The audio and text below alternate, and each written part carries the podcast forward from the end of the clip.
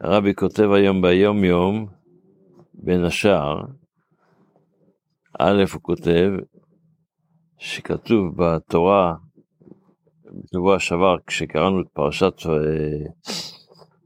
ויתרו, זו פרשה, הקדוש ברוך הוא אומר, וירא העם וינועו. אומר על זה הרבי, מה זה וירא העם וינועו? מה התורה רוצה להגיד? מה הם ראו? כשראו, כשהם ראו אלוקות, ברגע שעם ישראל ראו את האלוקות, את ההתגלות האלוקית, אז וינוע, הם התעוררו, הם התחילו לזוז, מה שמראה כאילו שיש חיות בדבר. הרבי, במקור של העניין, הרבי מדבר על העניין של בן אדם שהוא קר, שלא לא, לא חם בתורה, למצוות, אז הוא מת, הוא איש, יש, אה? עוד מעט נגיע, חלק השני. אז הדבר הראשון זה מה שהרבי כותב, שבן אדם צריך לחפש את החיות שב... שכשהוא לומד תורה שיסתכל על זה קצת יותר אה, כדבר החי שנותן לו בדיוק חי דבר חי זה דבר חם בן אדם שהוא הפך מהחיים הוא מת הוא קר. עכשיו זה דבר ראשון דבר שני הרבי כותב שהצמח צדק אילו ידעתם אומר אדמו"ר הצמח צדק את כוחם של פסוקי תהילים ופעולתם בשמי מרום מה עושה, עושים הפרקי תהילים בשמיים, הייתם אומרים אותם בכל עת. אז אומר הרבי, תדעו שמזמורי תהילים שעוברים כל המחיצות, ועולים בעילוי אחר עילוי בלי שום הפרעה. והפרקי תהילים האלה משתטחים לפני אדון העולמים ופועלים פעולתם בחסד וברחמים. הקטע הזה לקוח מתוך סיפור שהאדמו"ר האדמו"ר הצמח צדק סיפר בזמן ש... בזמן של הצמח צדק הייתה גזרה, בעצם זה היה בזמן האדמו"ר הזקן, גזרה חזקה על עם ישראל, אחד השנים. והאדמו"ר הזקן והאדמו"ר האמצעי והאדמו"ר הצמח צדק הם אמרו תהילים, הוא סיפר שהתהילים הזה, פרקי תהילים האלה הם אלה שעזרו לביטול הגזרה. אז בסוף אומר, אם היינו באמת יודעים מה זה, מה תהילים עושה, אז היינו מגיעים כולנו להגיד תהילים כמו שצריך, מה שנקרא, והיינו יודעים, יודעים שמקבלים את השפע האלוקי בצורה הנכונה.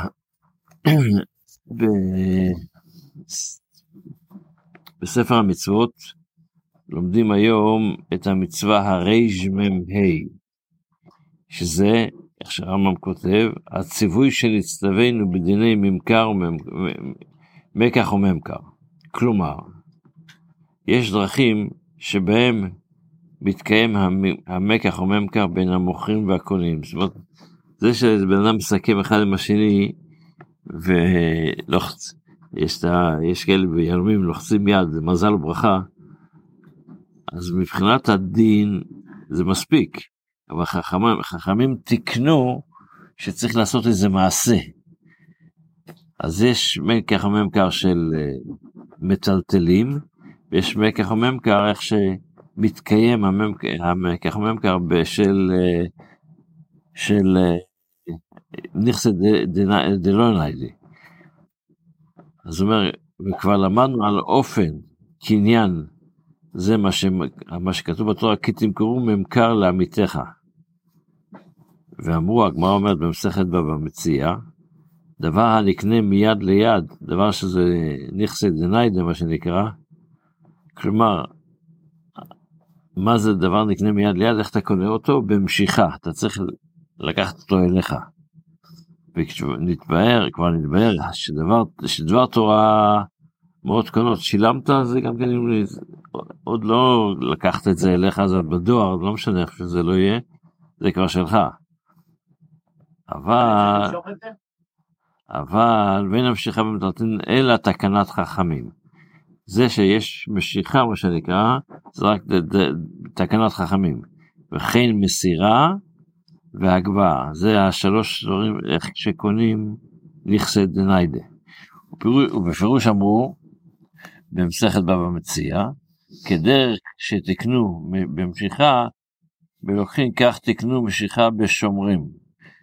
שלא רק כשבן אדם קונה זה ככה אלא בן אדם מקבל משהו לשמור אותו, אז מתי הוא, הוא אחראי עליו, אנחנו לומדים עכשיו, הרי בתורה עכשיו את הארבע שומרים, מתי זה מתחיל להיות האחריות אליך? ברגע שמשכת את זה. והנה נתברר לך שזה שתנו משיכה במקח וממכר זה רק תקנה, היות ששם זה לא, הרי הוא לא קונה, הוא, הוא סך הכל שומר, אבל גם שם איך זה נהיה שלך זה תקנת חכמים כזו ולכן זה עובד גם בקנייה ככה וגם בשומרים. הרב לא הבנתי איך אתה מושך את זה.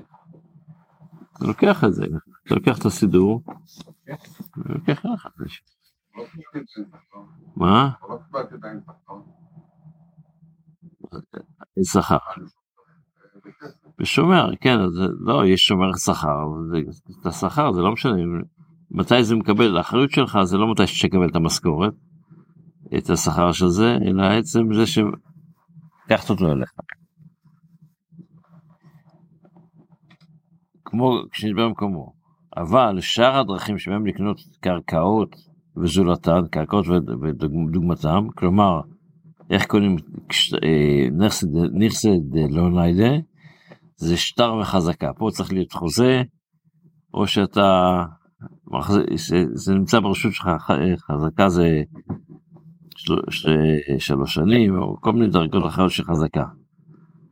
ושמחה לפסוקים, חז"ל כבר הביאו לזה כל מיני פסוקים, וכנדבר משפטי דין זה, כלומר ידיעת הדרכים שבהם מתקיים המקח בכל סוג וסוג, מה איך קונים פרטים, איך שקונים נכסי דניידה עם נכסי דניידה, זה כתוב במסכת פרק ראשון של מקודשין ופרק קידושין, מסכת קידושין. נכסי ניידה צריך אה, מטלטלים.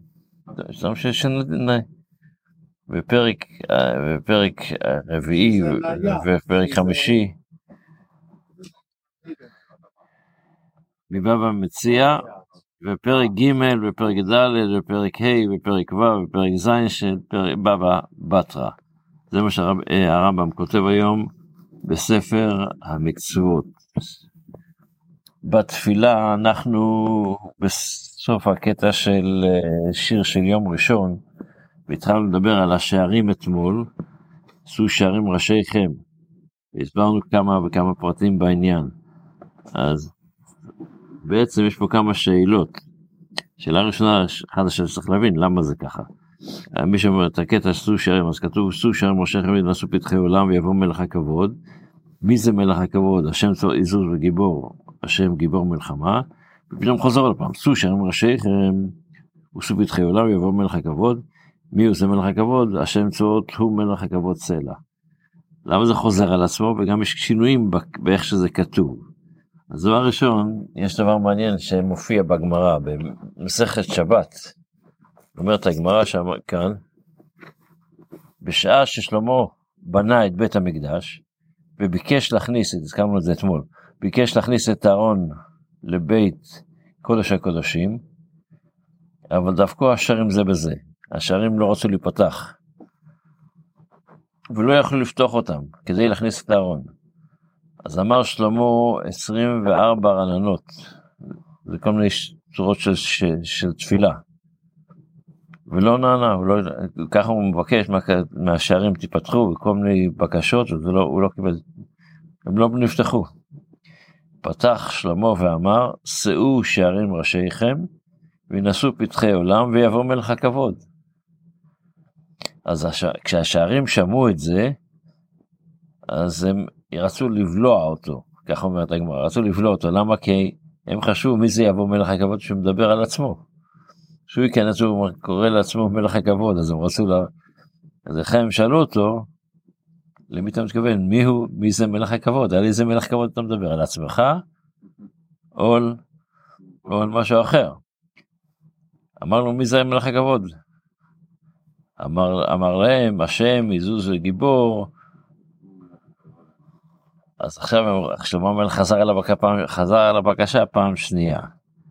עשו ישרים ראשיכם זה, זה החזרה של פעמיים עשו, ככה אומרת הגמרא פה. יש המשך של זה, אבל זה בקשר לעניין שלנו, זה מה שכתוב פה. אבל יש באמת כאלה שכותבים שיש הבדל בין עשו ישרים ראשיכם הראשון לסור שרים השני. בסור שרים בראשון, מי זה מלך הכבוד? אז מי זה מלך הכבוד? השם יזוז וגיבור, השם איש מלחמה. אחרי זה, מי זה מלך הכבוד בשני? מי הוא זה, מי זה, מי הוא זה מלך הכבוד? השם צבאות הוא מלך הכבוד סלע. בלי גיבור ובלי מלחמה, מה קרה? אז לכן יש כאלה שמפרשים שהסור שרים בשכם הראשון מדבר על בית המקדש הראשון, כששלמה המלך הנח. וסור שערים ראשיכם השני מדבר על בית המקדש השלישי, ששם לא יהיה מלחמות, זה כבר יהיה אחרי שמשיח יבוא, אז לא תהיה מלחמה יותר, לכן לא מוזכר מלחמה. שיהיה לנו יום טוב, בשורות טובות, כל טוב.